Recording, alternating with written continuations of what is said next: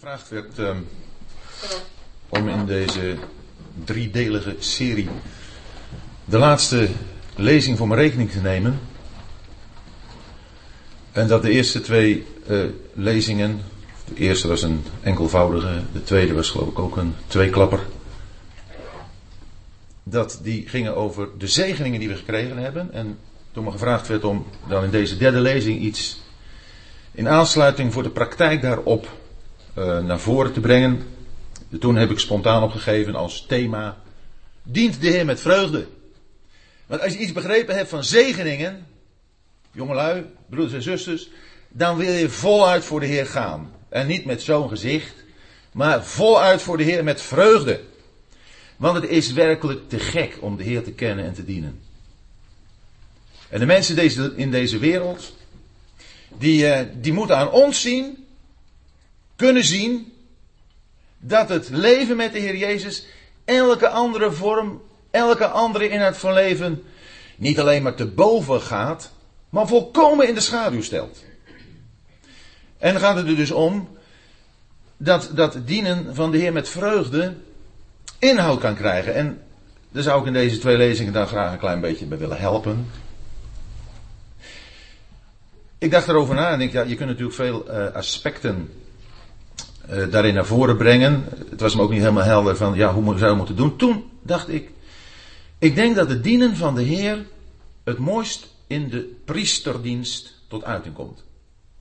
Een priesterdienst die dan in tweeërlei opzicht in het leven van het kind van God gestalte krijgt. Een priesterdienst waarbij we ingaan in het heiligdom,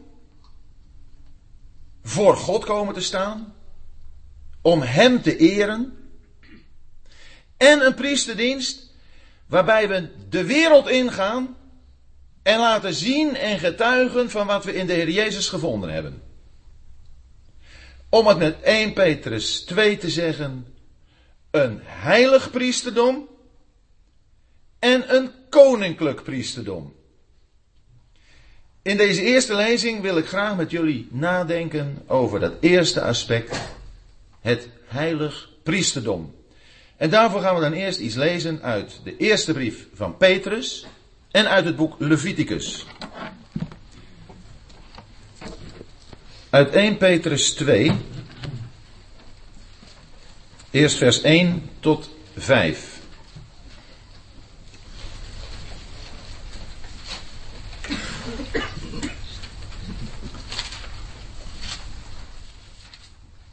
1 Petrus 2, vers 1. Leg dan af alle boosheid, alle bedrog, huichelarijen, afgunsten, alle kwaadsprekerijen. Verlangt als pasgeboren kinderen naar de redelijke, onvervalste melk, opdat u daardoor opgroeit tot behoudenis. Als u geproefd hebt dat de Heer goede tieren is, tot wie u komt, tot een levende steen, door mensen wel verworpen, maar bij God uitverkoren en kostbaar. En u wordt ook zelf als levende stenen gebouwd. Als een geestelijk huis tot een heilig priesterdom. Om geestelijke offeranden te offeren. Die voor God aangenaam zijn door Jezus Christus. En uit het boek Leviticus, hoofdstuk 8.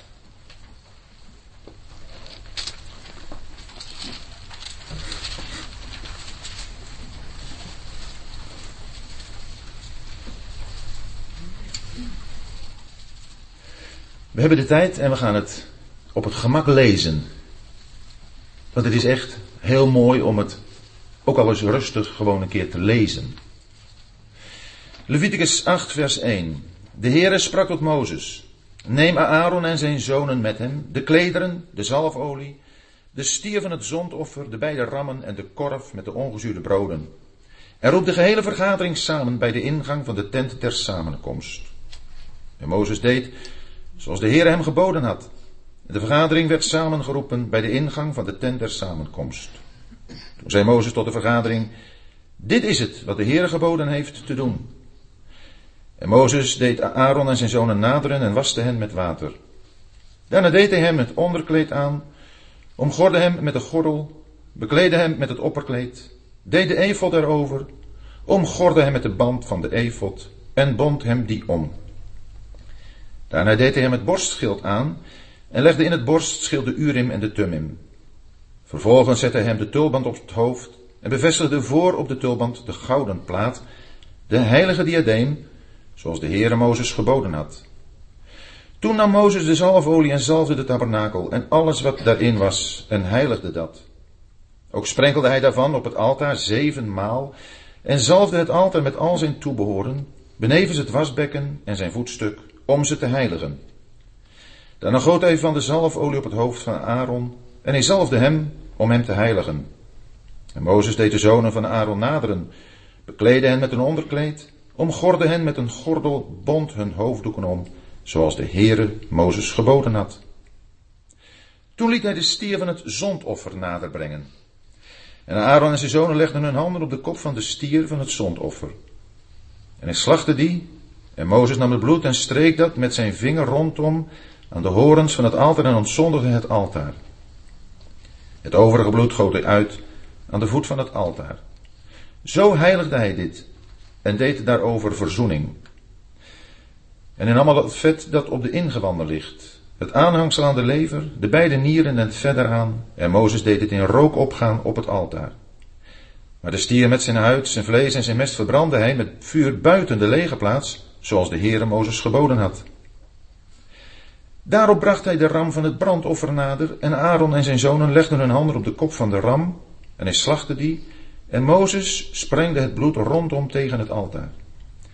De ram verdeelde hij in stukken, en Mozes deed de kop, de stukken en het vet in rook opgaan. De ingewanden echter en de onderschenkels waste hij met water, en Mozes deed de gehele ram op het altaar in rook opgaan. Het was een brandoffer tot een lieflijke reuk, een vuuroffer was het voor de Heere, zoals de Heere Mozes geboden had. Nu bracht hij de tweede ram, de ram ter inwijding, nader, en Aaron en zijn zonen legden hun handen op de kop van de ram.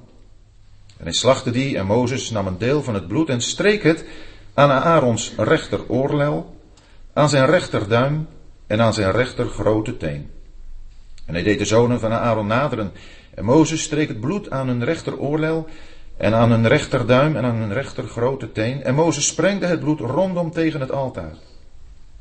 En hij nam het vet, de vetstaart, al het vet dat aan de op de ingewanden ligt, het aanhangsel aan de lever, de beide nieren en het vet eraan en de rechterschenkel. En uit de korf met ongezuurd broden, die voor het aangezicht des heren stond, nam hij één ongezuurd brood, één geoliede broodkoek en één dunne koek, legde die op de vetdelen en op de rechterschenkel, en legde dat alles op de handen van Aaron en van zijn zonen, en bewoog dat als een beweegoffer voor het aangezicht des heren. Daarna nam Mozes het van hen over en deed het op het altaar op het brandoffer in rook opgaan. Het was een wijdingsoffer tot een liefelijke reuk. Een vuuroffer was het voor de Heere. En Mozes nam de borst en bewoog die als beweegoffer voor het aangezicht des Heren. Van de ram ter inwijding viel die Mozes ten deel, zoals de Heere Mozes geboden had. Voorts nam Mozes een deel van de zalfolie en van het bloed dat op het altaar was, en sprenkelde dat op Aaron, op zijn klederen en ook op zijn zonen en de klederen van zijn zonen. Zo heiligde hij Aaron en zijn klederen, en ook zijn zonen en de klederen van zijn zonen. En Mozes zei tot Aaron en zijn zonen, kookt het vlees aan de ingang van de tent der samenkomst. Daar zult gij het eten, met het brood dat in de korf van de wijdingsoffers is, zoals ik geboden heb dat Aaron en zijn zonen het zouden eten. Wat nu van het vlees en het brood overblijft, zult gij met vuur verbranden. En van de ingang van de tent der samenkomst zult gij gedurende zeven dagen niet weggaan, tot de dag waarop de dagen uw wijding vervuld zijn. Want zeven dagen zal uw wijding duren. Zoals men op deze dag gedaan heeft, zo heeft de Heer geboden voortaan te handelen om over uw verzoening te doen. Bij de ingang van de tent der samenkomst zult gij dag en nacht, zeven dagen lang, blijven. En gij zult het door u door de Heere gegeven voorschrift in acht nemen, opdat gij niet sterft. Want zo is mij geboden. Aaron en zijn zonen nu deden alles wat de Heere door de dienst van Mozes geboden had.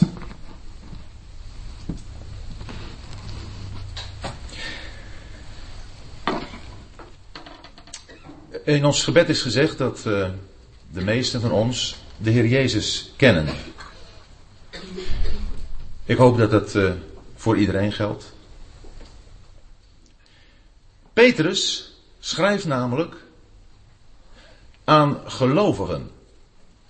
En wat wij vanmiddag met elkaar willen delen, is bedoeld voor gelovigen. Voor kinderen van God. En hoe ben je dat geworden? Wel, dan heeft Petrus aan het eind van hoofdstuk 1, dus net de versen die hieraan vooraf gaan, gezegd dat je door wedergeboorte hoort bij een nieuw gezelschap. Een gezelschap wat de Bijbel noemt broeders. Broeders en zusters. Er is nieuw leven gekomen. En dat is in de eerste plaats zeer noodzakelijk dat dat voor ieder hier geldt. Dat je weet, ik ben een kind van God. Ik heb nieuw leven gekregen. Doordat ik me heb bekeerd. En doordat de Heer Jezus voor mijn zonden is gestorven. En dat ik mag weten dat op grond daarvan God al mijn zonden heeft vergeven. Je bent geboren. Opnieuw geboren. En nu moet je gaan groeien. Nu moet je geestelijk gaan groeien. We hebben daarover iets gelezen in 1 Petrus 2 en vers 3. Dat je iets moet smaken. En in vers 2 dat je iets moet nuttigen. Dat je moet nuttigen de onvervalste melk van het woord. Opdat je daardoor opgroeit tot behoudenis. En nou, het is prachtig dat er hier zoveel jonge mensen zitten. Want die hebben ook wat dat betreft in, in natuurlijk opzicht iets waarbij ze zich kunnen voorstellen dat je moet groeien. Als je volgroeid bent, volwassen bent. Nou goed, dat zijn de meeste jongelui trouwens ook wel. Maar als je volwassen bent, dan hoef je in dat opzicht lichamelijk niet meer te groeien. Maar dat geestelijk groeien, dat is een proces wat blijft doorgaan. En vandaar ook is het belangrijk dat iedereen die hier zit en een kind van God is, zich aangesproken weet dat alsof je een pasgeboren kind bent, dat je daarom begeerig bent naar de onvervalste redelijke melk van het woord. Want zonder de, het verlangen naar de Bijbel is het wel de vraag of dat je een kind van God bent. Een kindje dat pas geboren is, we hebben dat net weer meegemaakt bij onze dochter. Die, uh, die heeft daar een baby. En uh, ja, die is maar naar één ding verlangend. En dat is naar voedsel. En als hij honger heeft, dan begint hij te huilen. Maar het is net of een heleboel christenen, die zeggen tenminste dat ze christen zijn, die kunnen maar om één ding huilen en dat is ja, dat ze dit niet meer hebben van de wereld en dat ze dat niet kunnen krijgen en dat ze daar niet meer aan mee mogen doen. Terwijl het echte verlangen van een christen is en blijft, zolang die adem heeft, hier op aarde, een verlangen naar het woord. En wat dat betreft mag ieder van ons zich daar best eens afvragen. In hoeverre verlang ik naar de Bijbel? Is het echt voor jullie zo dat als je eens tijd hebt voor jezelf, dat je denkt, joh, wat zou ik nou eens even moeten doen? Weet je wat, ik ga eens een stukje lezen uit de Bijbel. Je hoeft het nu niet tegen mij te zeggen en ook niet je hand op te steken, maar herken je dat of denk je, nee, dat is, eigenlijk het laatste wat ik aan denk, joh. Eigenlijk echt helemaal niks te doen heb. Nou ja, ook de Bijbel komt er dan eigenlijk toch niet aan te pas. Maar wie van jullie gaat er nu wel voor zichzelf gewoon eens iets lezen uit de Bijbel? Gewoon omdat dat het woord van God is, waardoor je opnieuw geboren bent. En dat dat het woord is waardoor je kunt gaan groeien. Want dat dat het woord is wat jou op smaak brengt van de goedertierenheid van God. Als je gesmaakt hebt dat de Heer goede tieren is. Het kan niet anders of dat is bij je bekering in elk geval een feit. Want bij je bekering heb je gezien dat je een zonde bent en de hel verdient. dat God jou moet oordelen en voor eeuwig in de hel moet werpen. En toen heb je gezien dat er een goedertieren God is, die zijn zoon voor jou gaf. En toen heb je je knieën gebogen en gezegd, oh God, wees mij zondaar genadig. En toen, toen is die hele zondelast van je afgenomen. Je hebt het geproefd. Maar dat moet niet bij dat moment blijven. Dat mag doorgaan in je leven. Elke dag van je leven mag je smaken dat de Heer goed is. Goede tieren is. Het is niet goed om altijd maar heel negatief te praten en te denken over allerlei toestanden in de wereld of in de christenheid of onder gelovigen. Daar word je doodongelukkig van. En het is iets, het kan nog zo verdrietig zijn, wat er gebeurt in je, in eigen leven onder gelovigen.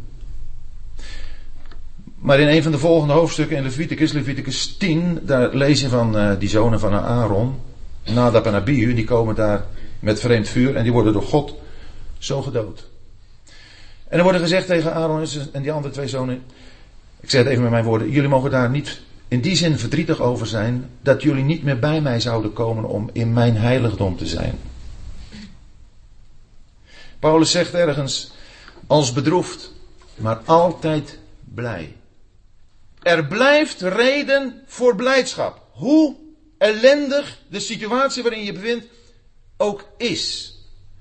Want als je aan de Heer Jezus denkt en aan wat Hij deed voor jou, dan kan er ondanks geweldig veel wat pijn doet, waar verdriet over is, toch een blijdschap komen, een vreugde, waarbij even die pijn en even die ellende vergeten wordt, waar je er bovenuit getild wordt dat je toch het heiligdom kunt binnengaan.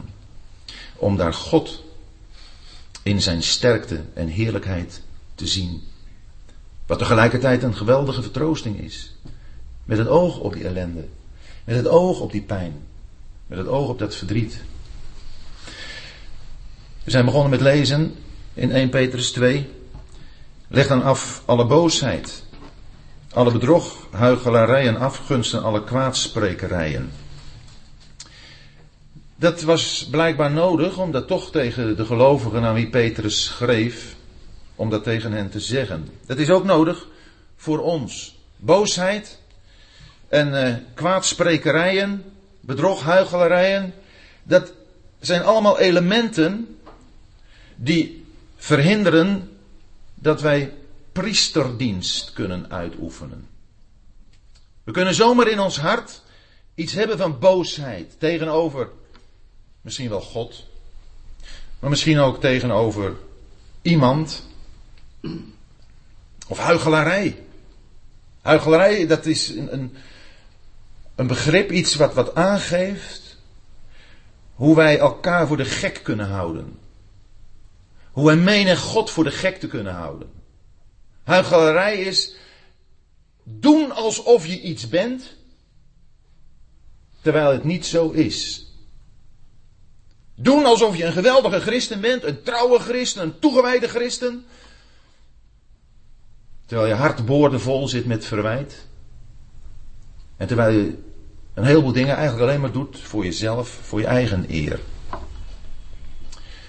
Dit zijn dingen die groei verhinderen, en dit zijn dingen die verhinderen dat wij priesterdienst uitoefenen. En daar zullen we onszelf allemaal eerlijk over moeten onderzoeken. Gewoon eerlijk in jezelf. Wat is er bij mij aan boosheid? Aan afgunst. Dat is jaloersheid. Afgunst. Jongen, wat zijn we vaak jaloers op een ander die er net even wat leuker uitziet, die het net even wat beter kan zeggen, die net wat meer verdient, die net dat heeft wat ik ook zo graag zou willen hebben, aan, materieel, aan materiële dingen. Zodra dat in enig aspect. Kijk, we, kunnen dat allemaal wel eens beleven. Maar moet direct afgelegd worden. Moet direct korte metten mee maken. Want het verhindert vreugde. Het verhindert dat je de Heer dient met vreugde. Het verhindert dat je de Heer als priester in zijn tegenwoordigheid kunt dienen. Want je bent vervuld van jezelf. Je bent bezig met wat je allemaal mist. Je wordt ongelukkig. Afleggen. Enerzijds afleggen en anderzijds dan dat verlangen naar die onvervalste redelijke melk. En ik breek een lans voor Bijbelstudie. En er is geen tijd.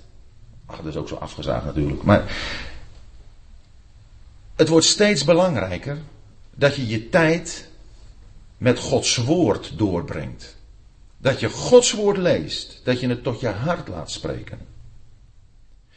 Niet om veel kennis te verzamelen, maar om te groeien. Om geestelijk volwassen te worden. Zodat je ook in heel praktisch opzicht niet meer heen en weer bewogen wordt door elke wind van leer. Er is in de christenheid zo ontzettend veel ook wat aantrekkelijk is. Zoveel waarvan je denkt van ja kijk, als, als je nou zo christen kon zijn, weet je wel.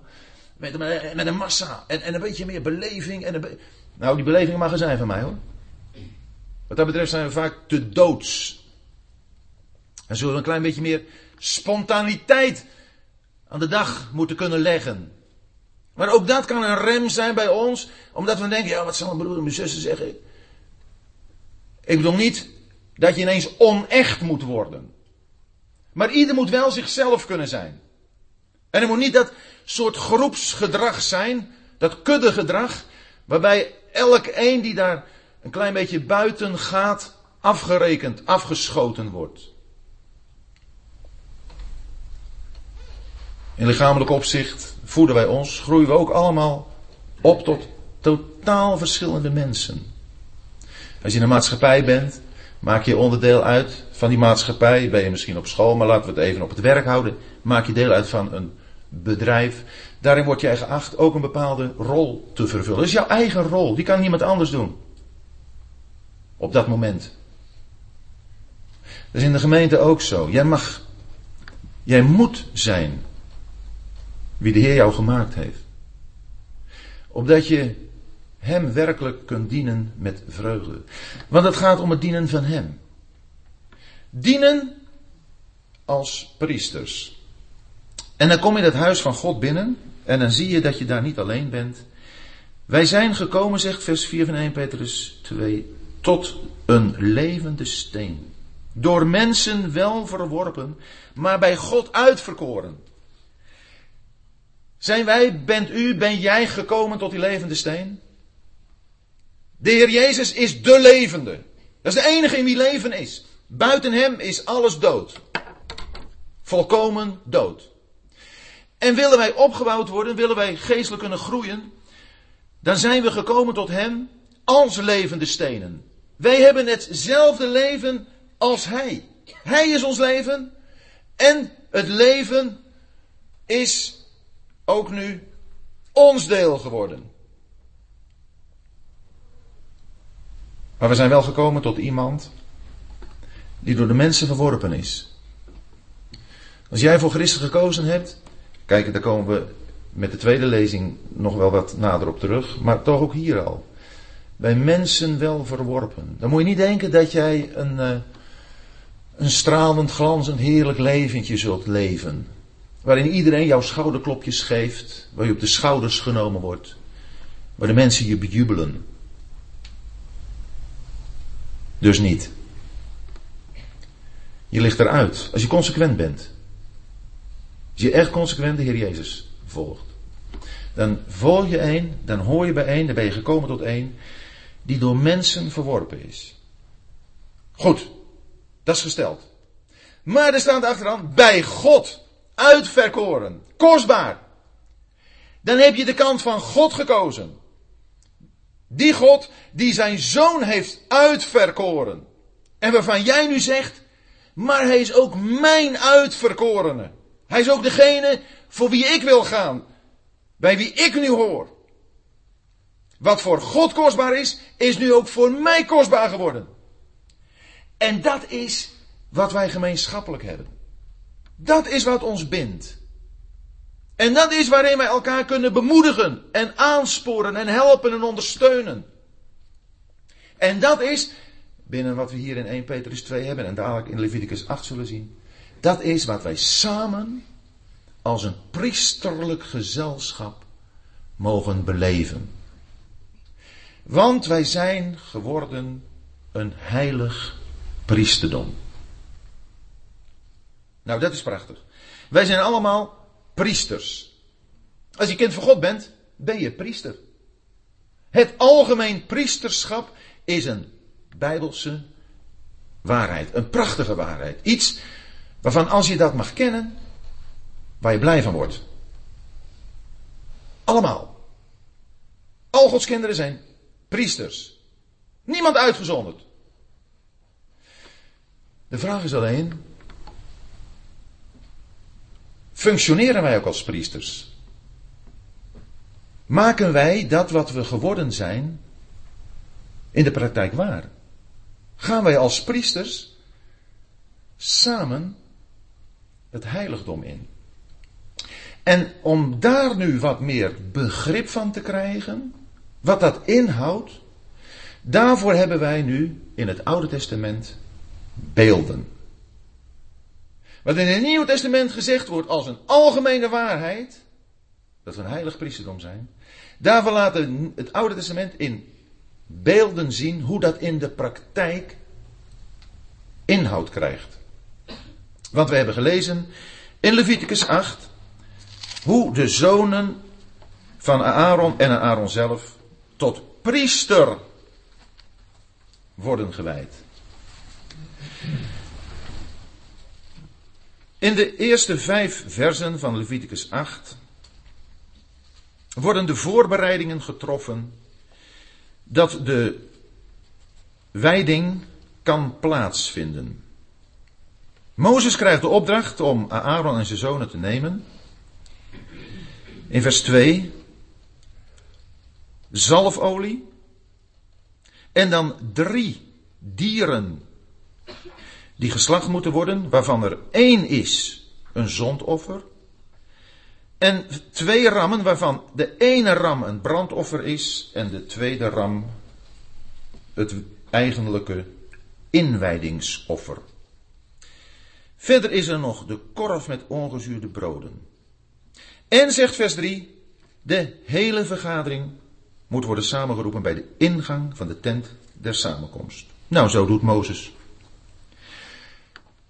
We hebben hier een belangrijk aspect met het oog op dit priesterschap. En dat is dat het plaatsvindt in tegenwoordigheid van het hele volk. En bij de ingang van de tent der samenkomst. Dus ik denk dat het een bijzondere nadruk heeft. Dat vinden we ook weer aan het eind van dit hoofdstuk terug. Dat priesterschap daar bijzonder ook tot uiting komt als het volk van God samenkomt bij elkaar komt. Bij de ingang van de tent der samenkomst, wat wil zeggen de plaats waar God woont. God verlangt ernaar dat u en ik, dat jij met zijn volk samen bent op de plaats waar hij woont. Waar de gemeente gestalte krijgt. Waar de Heer Jezus kan zeggen dat hij daar in het midden is. Matthäus 18, vers 20. Want waar twee of drie tot mijn naam samen zijn, daar ben ik in het midden van hen. Dat is de plaats waar we moeten zijn. Dat is niet geografisch bepaald. Dat is geestelijk te onderscheiden. Daarvoor moet je willen lezen in het woord. Daarvoor moet je je open willen stellen voor de Heer Jezus. Het gaat helemaal niet aan om te zeggen dat je door je ouders bent meegenomen naar een bepaalde plaats waarvan dan wel gezegd wordt, of waar soms misschien wel eens aan, aan de wand hangt, Matthäus 18, vers 20. Zegt helemaal niets. Waar het om gaat is dat je dat in je hart weet. Overtuigd door wat Gods woord zegt. En een van de kenmerken waaraan je zou kunnen herkennen dat het daar om de Heer Jezus gaat, niet om mensen, niet om instellingen van mensen, maar om de Heer Jezus alleen. is de uitoefening van dit priesterschap. Ben jij vrij om daar de Heer te dienen als priester?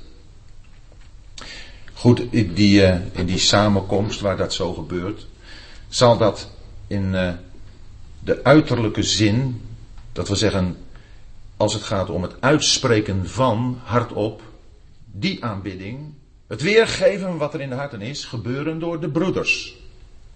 1 Corinthians 14 is erover helder. Maar dat betekent niet dat al die anderen, want er is tenslotte dan nog maar één broeder die ze uit, broeders en zussen die daar zijn, voor de Heer met hun hart aanwezig zijn om in te stemmen wat die broeder op dat moment vanuit zijn hart naar de Heer toebrengt. En allen zullen daarmee ook instemmen door Amen te zeggen. Mogen de zusters ook best wat meer aan doen. Ze zijn daar bij de tent der samenkomst. En Mozes is degene die de handelingen verricht. Dat kon natuurlijk ook nog niet anders, want er was nog op dit moment geen officieel priesterschap ingesteld in het volk Israël. Dus Mozes deed dat. Maar dan zien we dat als eerste in vers 6 Mozes Aaron en zijn zonen doet naderen en hen met water wast. Dat is de eerste handeling die Mozes met hen doet. Nog even dit. Wat mij opgevallen is toen ik dit hoofdstuk zo overdag, is de nauwe samenhang die er is tussen Aaron en zijn zonen. Nu weten we uit het Nieuwe Testament, als je de brief van de Hebreeën leest, dat de Heer Jezus de grote priester is over het huis van God. Hij is de hoge priester, die we hier in Aaron voorgesteld vinden. Maar hier in dit hoofdstuk vinden we Aaron samen met zijn zonen. En Hebreeën 3 zegt dat de gelovigen het huis zijn. Degene die priesters zijn en bij hem horen. U en ik, jij en ik. Wij zijn alleen priesters. Op grond van het feit dat hij de grote priester is. In onszelf hebben we helemaal geen, geen waardigheid. Maar we mogen het zijn, we zijn het. Op grond van het feit dat Hij het is. En vanuit die achtergrond is het zo belangrijk dit hoofdstuk te benaderen. Te zien dat Mozes en zijn, uh, Aaron en zijn zonen samen die priesterdienst mogen vormen. En ik moet eerlijk zeggen, als je dan iets van priesterdienst mag kennen, dat het een buitengewone bemoediging is. Om als je dan als gelovige samenkomt, te weten dat de Heer Jezus als de grote priester zelf aanwezig is. En eigenlijk begint met het aanheffen van de lofzang. Want wie zijn wij? In onszelf. Wat, wat kunnen wij? En oh, dat, dat maakt aanmatiging zo erg. Hè? Dat wij het zijn. Wij zijn de enigen die het kunnen. Wij zijn de enigen die het weten. Het is zo aanmatigend. We vergeten dat onze priesterdienst alleen bestaansrecht heeft, ja, op grond van het feit dat hij priester is. En we moeten iets gesmaakt hebben van die goede tierenheid. Die goede tierenheid die op je afkomt als je het woord van God leest. En dat is wat Mozes hier doet. Als eerste, hij wast Aaron en zijn zonen. Hij past het woord van God op hen toe. Niet, denk ik zozeer om onreinheid weg te wassen, maar meer nog om rein te blijven. En dat is wat wij als eerste nodig hebben. Willen wij in de praktijk priester kunnen zijn, dan hebben we het nodig dat het woord voortdurend tot ons komt. Voortdurend zijn werk doet. En dan kan er verder gehandeld worden. Dan vinden we eerst in vers 7 tot en met 9 hoe daar Aaron wordt bekleed. Dat is op dit moment niet het onderwerp. Maar hij is de eerste die bekleed wordt.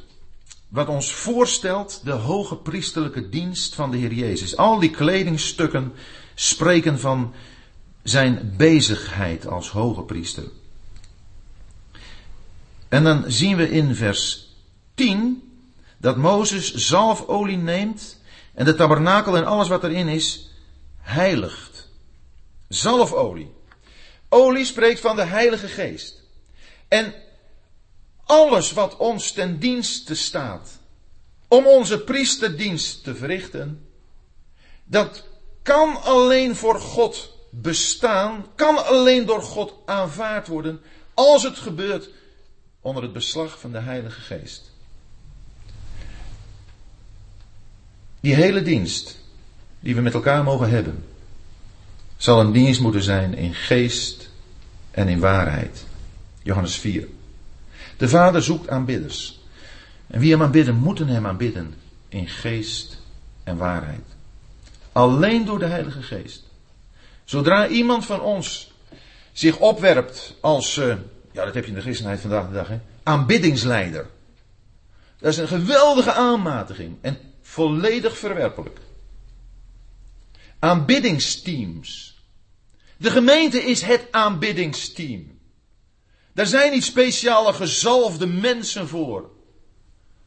Dat ontrooft de Bijbel van zijn kracht. Dat ontrooft de gelovigen van zijn voorrechten. En maakt ook aanbidding iets van een select groepje. En aanbiddingsleider tot een verheven plaats die de Heer Jezus van zijn rechten berooft. De Heer Jezus. Hij is degene die aanbidding leidt. En al Gods kinderen zijn priesters en mogen daarin meedoen. Met de middelen, met de woorden, met de gedachten, met de gevoelens die bewerkt worden door de Heilige Geest. Alleen dan kan Hij het aannemen, kan God het aanvaarden. En dan spreekt hij daarvan in vers 11 op het altaar, zevenmaal. En ook zalft hij het altaar met al zijn toebehoren. Het wasbekken, het wasbekken is een voetstuk, om ze te heiligen. En dan goot hij de zalfolie uit op het hoofd van Aaron en zalft hem om hem te heiligen. Opmerkelijk dat hier Aaron gezalfd wordt voordat er sprake is van bloed. Wij als priesters, wij kunnen pas priesterdienst doen door de Heilige Geest, jazeker, maar eerst nadat het bloed op ons is toegepast. Vinden we verderop. Maar Aaron, als een beeld van de Heer Jezus, hij wordt gezalfd zonder dat er bloed is toegepast. En dat is natuurlijk ook iets wat we in het Nieuwe Testament heel duidelijk vinden. Als de Heer Jezus, nadat hij verzocht is in de woestijn, nee, voordat hij verzocht werd in de woestijn, gedoopt wordt, dan vinden we daar dat hij, als hij uit het water opstijgt, de hemel boven zich geopend ziet en dat daar de geest als een duif op hem neerdaalt. Dat is wat we hier in beeld vinden, die zalfolie. De Heer Jezus kon de Heilige Geest neerdalen, zonder dat er van bloedstorting sprake was. Voor ons, wij konden de Heilige Geest pas ontvangen nadat het bloed op ons is toegepast. Nadat we hebben gezien dat er zonder bloedstorting geen vergeving is. En nadat we dat hebben aanvaard. Dat is weer dat unieke van Aaron. En dan doet Mozes Aaron, de zonen van Aaron naderen, bekleed hen met een onderkleed, omgort hen met een gordel en bindt hun hoofddoeken om, zoals de Heer Mozes geboden had. Kleding in het algemeen spreekt van de daden, van het gedrag. En, en hier vinden we dus dat de priesters door Mozes geschikt worden gemaakt om als priester te functioneren. Um, dan vinden we de drie offers. Zoals gezegd, een zondoffer, dat vinden we beschreven, we hebben dat gelezen in vers 14 tot en met 17. Ik ga niet al die versen vers voor vers bespreken, maar even de grote lijn. Dan krijgen we in vers 18 de ram van het brandoffer. En in vers 22 de tweede ram, de ram ter inwijding. Nou, drie offers. Wat moeten wij om priester te kunnen zijn, om priesterdienst te kunnen vervullen, begrijpen? Wij moeten iets begrijpen van het zondoffer, van het brandoffer en van het inwijdingsoffer. Bij alle drie de offers lezen we dat Aaron en zijn zonen hun handen daarop leggen. Handoplegging betekent in de Bijbel altijd eenmaking. Als zij hun handen leggen op het zondoffer, betekent dat dat al de onwaardigheid van de priester overgaat op dat zondoffer. En broers en jonge mensen, is dat niet een van de belangrijkste aspecten? Een aspect misschien waar je het eerst mee begint. Dat je weet, mijn zonden zijn gedragen door de Heer Jezus. God heeft al mijn zonden op Hem gelegd. De Heer Jezus heeft mijn zonden in zijn lichaam gedragen op het hout, zegt 1 Petrus 2. En, en maak je dat nog blij? Maakt dit je nog echt ongelooflijk gelukkig? Wat dat betreft zijn wij behoorlijk in een slijtageslag gewikkeld. Dat bedoel ik mee? Dat ons geweten behoorlijk weggesleten is. In het algemeen is er alles gezegd: Nederland, dat is een land, daar kun je niet zondigen. Betekent, bestaat helemaal geen zonde meer, want alles mag. Maar in hoeverre is dat al bij u en mij naar binnen gekomen? Dat wij zomaar over dingen heen walsen. Dat we eigenlijk helemaal geen idee meer hebben van wat zonde is. Dat we een hele hoop dingen gewoon goed praten. Dat we net als de wereld over zonde praten. Dus er niet over praten. Of het goed praten.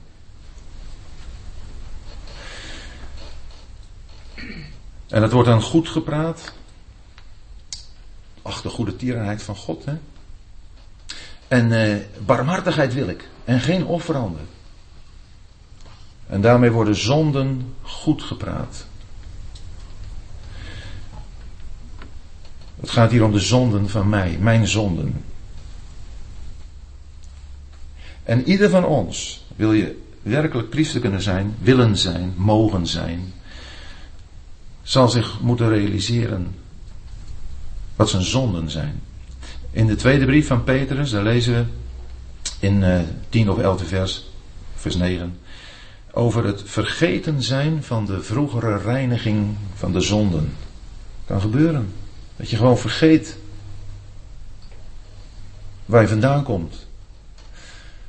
Waar je aan verslaafd was. Wat scheiding maakte tussen jou en God. Dat je dat vergeten bent. Dan moet het weer vernieuwen. En ga de Bijbel maar lezen, dan loop je er tegenaan. Ga de Bijbel maar lezen. In onderworpenheid aan Gods woord.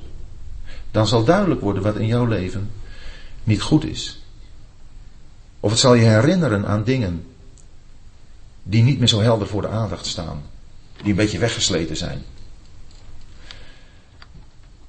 En als je dat weer gaat realiseren, mijn beste vriend, vriendin, dan kan het niet anders of dan word je gewoon geweldig blij. Dan word je gewoon geweldig dankbaar. En dan zeg je, natuurlijk wil ik de Heer dienen met blijdschap. Natuurlijk wil ik als priester dienen.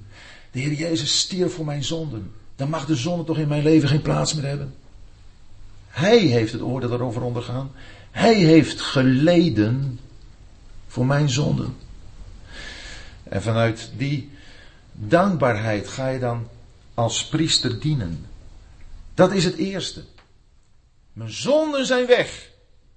En dat is wat we in Romeinen 5 hebben als een juichkreet. Wij dan gerechtvaardigd op grond van geloof hebben vrede met God. En wij staan in de genade. Wij roemen in de hoop op de heerlijkheid van God. Maar zo sta je voor God. Dan sta je in de genade. En als je dan in Gods tegenwoordigheid mag staan. Ja, dan dan ga je hem prijzen. Dan ga je hem eren. Dan ga je hem aanbidden. Dan ga je priesterdienst vervullen. En nog een keer, dat is iets wat je zo machtig mooi met elkaar doet. Als je een, een broeder hoort, of, of ook, ook de onderling contacten buiten de samenkomsten, die kunnen zo opbouwend, zo bemoedigend zijn, dat je daar weer stof voor doorkrijgt. Om, als je in de samenkomst bent, de Heer te prijzen. En het gaat helemaal niet om fraaie volzinnen. Zomaar één regel, maar recht vanuit het hart. Daar hebben we meer behoefte aan. Gewoon die eerlijke. Dank u wel, Heer Jezus. Gewoon dat. Maar dat je voelt, iedereen voelt dat. Dat is zo, zo waardevol. In echtheid gezegd. Betekent niet dat een ander daar niet wat meer woorden voor mag hebben. Wij moeten zoveel leren nog met het oog op onze persoonlijke verhouding tot God. Ook in de samenkomst te mogen hebben. Juist te mogen hebben. We, we zijn geen kopietjes van elkaar. Want dan zou er gezegd moeten worden: jullie stelen woorden van elkaar. Zodra een broeder iets nazegt van een ander, omdat die andere het zo mooi heeft gezegd, wil God het al niet meer horen. Ik walg van jullie offer, zegt hij dan. Ik walg ervan. Oeh, je moet de profeet Amos maar eens lezen. Ik haat jullie feestvergaderingen. Het getier van jullie liederen. Ik haat het. En dan kun je allemaal keer op keer trouw in je zonnigse pak komen. Met fraaie woorden. Maar het zegt me niet alleen niks. Ik gruw ervan. We moeten leren echt te zijn. En dat zien we als we kijken naar de Heer Jezus als het zondoffer. Hij is niet alleen het zondoffer, hij is ook het brandoffer. En dan komen we bij die twee rammen. Een ram is dat speciale dier voor de inwijding. En dat er twee offers voor zijn, een brandoffer en een inwijdingsoffer. En het inwijdingsoffer, dat is eigenlijk een, een bijzonder soort vredeoffer. Dat laat ons zien dat die inwijding, die toewijding, twee aspecten heeft. Het aspect van het brandoffer, daarin zien wij de volkomen overgave van de Heer Jezus aan God. Alles in zijn leven was helemaal op God gericht. Ik wil erbij een heel mooi vers lezen, en het gaat ook om toepassing daarvan op ons. In Efeziërs hoofdstuk 5.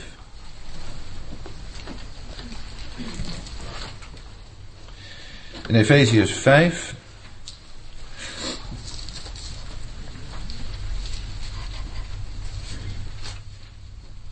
In vers 1 en 2 denk ik dat we vinden wat hier in uh, die ram van het brandoffer wordt voorgesteld. Als dus een onderdeel van het wijdingsoffer. Efeze 5 vers 1. Wees dan navolgers van God als geliefde kinderen en wandelt in liefde. En dan. Zoals ook Christus ons heeft liefgehad en zichzelf voor ons heeft overgegeven. Als een offerande en een slachtoffer voor God. Tot een welriekende reuk. Dus waar de Heer Jezus alles deed voor God volkomen als brandoffer zich aan God offerde, dan wordt gezegd door Paulus en jullie ook. Zoals hij deed, jullie ook. Niets meer voor jezelf, alles voor God. Dan ga maar even naar bij jezelf. Is alles in je leven voor God? Want het gaat niet om vrome momenten. Het gaat gewoon om 24 uur van de dag, krijgen we aan het eind zo. En 7 dagen in de week.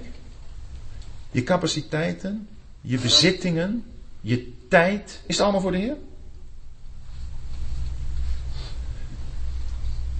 Bij de Heer Jezus was het zo.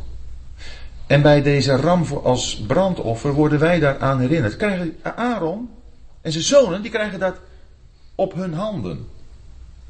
Hebben we ook gelezen. Dat is een, in het Statenvertaling staat het mooi, dat is een vuloffer. Dit inwijdingsoffer is een vuloffer. Wat op hun handen gelegd werd en wat zij dan heen en weer bewogen voor God. Alleen, daar moet je niks zelf meer in je handen hebben. Waar is jouw hand vol van? Je portemonnee? Flink je hand op je portemonnee? Waar is jouw hand vol van? Je leven zelf een beetje bepalen? Grip hebben op de zaak? de lijnen zelf uitzetten? Jouw hand? Of is je hand gevuld met de Heer Jezus?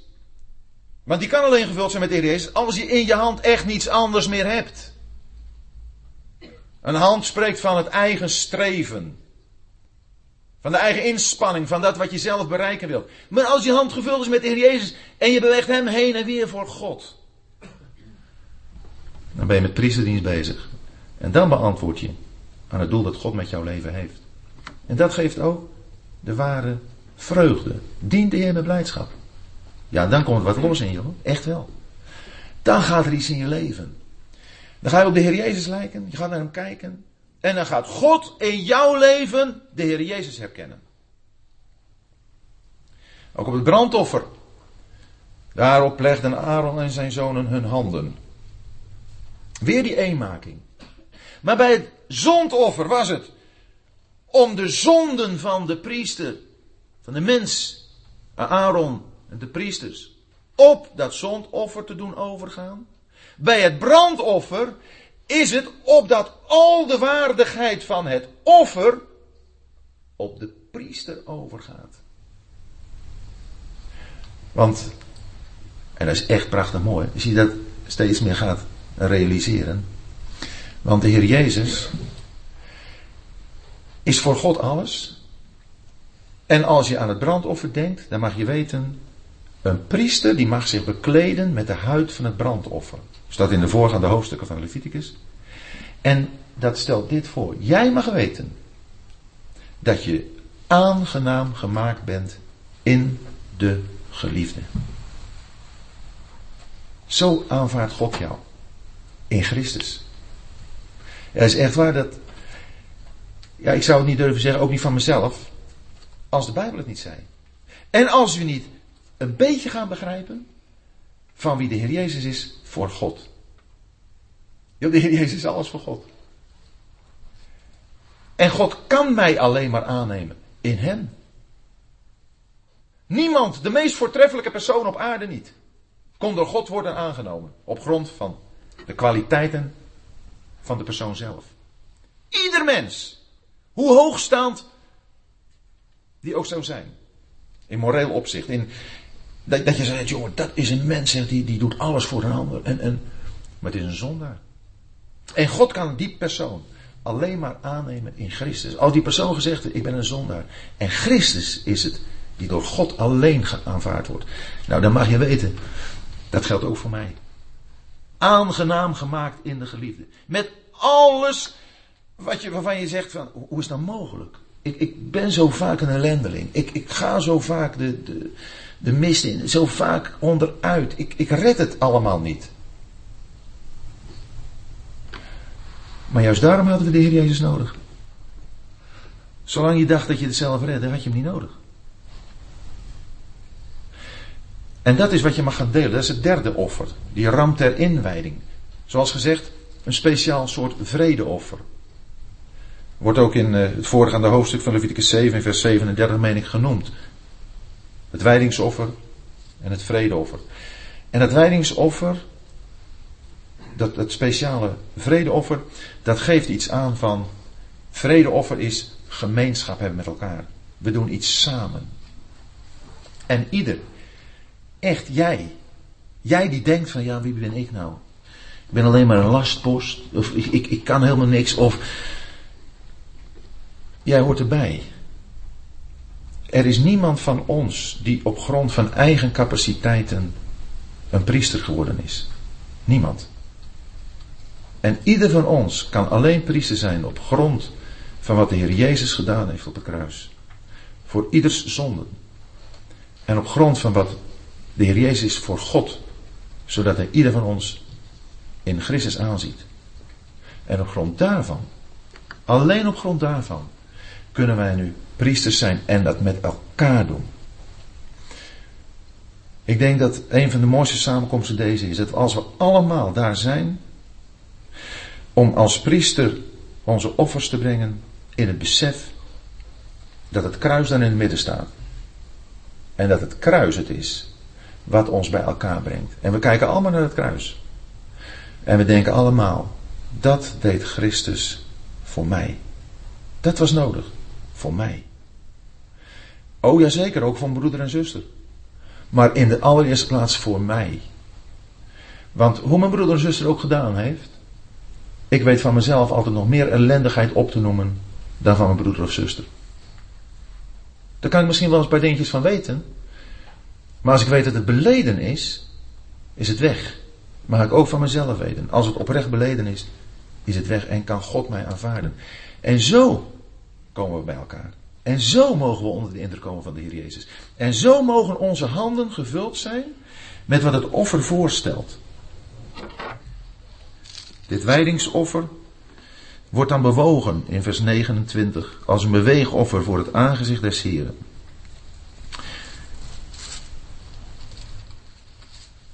In vers 31, nadat dus alles gebeurd is met Aaron en zijn zonen wat nodig was om hen in die positie te plaatsen. In vers 31 lezen we dan dat Mozes tot Aaron en zijn zonen zegt: Kookt het vlees aan de ingang van de tent der samenkomst. Daar zult u het eten. Met het brood dat in de korf van de wijdingsoffers is, zoals ik geboden heb. Nu moeten we eten. Ik heb al iets gezegd over eten, zoals we het in 1 Petrus 2 vonden, daar in de vorm van eh, drinken. In elk geval voedsel nemen. Wij moeten ook kracht hebben. Wij moeten ons uh, bezighouden met de dingen van de Heer. Wij moeten ons voeden met de dingen van de Heer. En dat is in deze tijd, vooral voor jonge mensen, denk ik, heel erg belangrijk je dat goed te realiseren. Want er zijn ongelooflijk veel dingen die veel tijd vreten. Internet, sms, mobiele telefoons, allerlei contacten, vluchtig of iets langer. Ze nemen ontzettend veel tijd. En dan heb ik nog niet eens over de smerigheid die je als je op internet bezig bent, uh, of bewust gezocht, of per ongeluk door je waargenomen kan worden. Waardoor je bevlekt wordt en sowieso uitgeschakeld bent om priesterdienst te doen. Maar gewoon al de hoeveelheid tijd. Computerspelletjes. Ze vreten tijd. En uh, niet alleen ze vreten tijd, ze vreten ook van je geestelijke kracht. Want uh, er is geen voedsel voor je hart. Ook zeg niet dat je de dingen niet kunt gebruiken. Ze hebben een bepaald nut. Maar hou dat nut dan in de gaten. Ik zeg ook niet dat je niet mag ontspannen. Maar stel daar grenzen aan. Maar voed je, voed je met het woord. Laat het woord van God tot je doordringen. Kijk naar de Heer Jezus. Het wijdingsoffer is de Heer Jezus. Die in volle toewijding aan zijn God en Vader hier op aarde geweest is. En uh, voor u en mij geldt, voor jou en mij geldt, dat wij nu nog op aarde zijn. En dat God zo graag ziet in uw en mijn leven. Wat hij zag in het leven van de Heer Jezus. Dat was volkomen op God gericht. De Heer Jezus kon zeggen: Mijn spijs is dat ik altijd de wil doe van Hem die mij gezonden heeft. Dat is mijn spijs. En dat mag ook steeds meer onze spijs worden hoor. Je voeden met de Heer Jezus. Dat wijdingsoffer. Dat wordt hier de zonen van Aaron en zijn zonen als voedsel gegeven. En dan moeten ze gaan, in vers 33, naar de ingang van de tent der samenkomst. En dan moeten ze zeven dagen niet weggaan. Want zeven dagen zal uw wijding zijn. Hey. Zeven is het getal uh, van de volmaaktheid. Een, een, volkomen getal. Zeven, kun je van zeggen, zeven dagen, een hele week. Zeven beslaat ons hele leven. Om het met Hebreeën 13 te zeggen. Laten wij dan door hem voortdurend aan God een lofoffer brengen. Dat is de vrucht van de lippen van hen die zijn naam beleiden. Voortdurend. In elke omstandigheid, alle situaties, ons hele leven door. Overdag, zo eens even God prijzen. Als je op je werk bent, of op school zit, eens even God danken voor de Heer Jezus. Gewoon dat contact even met Hem. Dat er iets van priesterdienst uit je hart naar boven gaat. Het is iets wat je hele leven in beslag behoort te nemen, staat hier. En dan in vers 35. vinden we dat het moet gebeuren bij de ingang van de tent der samenkomst. Dus op de plaats die de Heer heeft aangegeven. Zeven dagen lang, dus de periode die de Heer heeft bepaald. En volgens het u door de Heer gegeven voorschrift. Dus ook in de juiste gezindheid. Alles wat wij doen heeft te maken met de samenkomst waar God, waar de Heer Jezus woont. Dat betekent niet dat daar vanuit iets moet worden geregeld, moet worden gezegd alleen als het op die of die manier officieel uh, inhoud krijgt, kan het goed zijn. Nee, in mijn hart, in mijn denken moet ik ermee rekenen dat alles wat ik doe te maken heeft met de priesterdienst die ik daar doe. Daar worden geen officiële regels uitgevaardigd. Het is iets wat in mijn hart leeft. En wat als goed is in het hart van ieder van ons leeft. Waarom? Omdat het in het hart van God leeft. Het hart van God gaat uit naar zijn volk. Met name als het gaat om samenkomsten van gelovigen. Dat hij daar kan herkennen dat er gelovigen zijn die alleen voor de Heer Jezus daar willen zijn. Hun hele leven. Met andere woorden ook alles wat ze buiten die samenkomsten doen. Heeft in hun hele leven daar betrekking op. Vanuit dat bijzondere van het zijn in zijn tegenwoordigheid leven ze. En met het oog daarop zijn ze bezig. Volgens het voorschrift. We kunnen het woord van God niet missen. En het moet geen algemene wetenschap zijn van ja goed, dat beamen we dan. Maar we zullen het moeten lezen. Lezen. Lezen. Niet vanuit een houding. Ja, moet het weer. Nee. Ja, ja misschien ook wel. Ja, het moet weer. Maar anders ga je dood. Als mensen niet willen eten, dan hebben ze een bepaalde ziekte, dat heet geloof ik anorexia. Dan moeten ze daar iets voor krijgen, dan moeten ze daartoe gedwongen worden, want anders gaan ze dood. En wij moeten elkaar ook maar een klein beetje stimuleren om Gods woord te lezen, want anders ga je geestelijk dood. En weet je wat er dan gebeurt? Je doet jezelf tekort, jazeker. Maar je doet bovenal God, je doet bovenal de Heer Jezus tekort. Je doet ook je medebroeders en zussen tekort. Want die missen je. Die hebben je nodig om samen een priesterdienst uit te oefenen. Om samen bezig te zijn met Hem, met wie we in de eeuwigheid, tot in alle eeuwigheid, bezig zullen zijn. De Heer Jezus. Aan wie we alles te danken hebben. En door wie we dan ook God voortdurend een lofoffer kunnen brengen.